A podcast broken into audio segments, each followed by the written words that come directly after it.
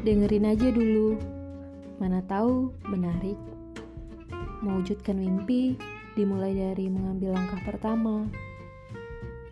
Belajar dilakukan untuk membentuk karakter. Memang, di masa depan kita tidak akan mengingat semua yang kita pelajari hari ini. Namun, sensasi ketika kita terus belajar dan menjadi tahu setelah memahami materi pelajaran dapat memberikan kepuasan tersendiri.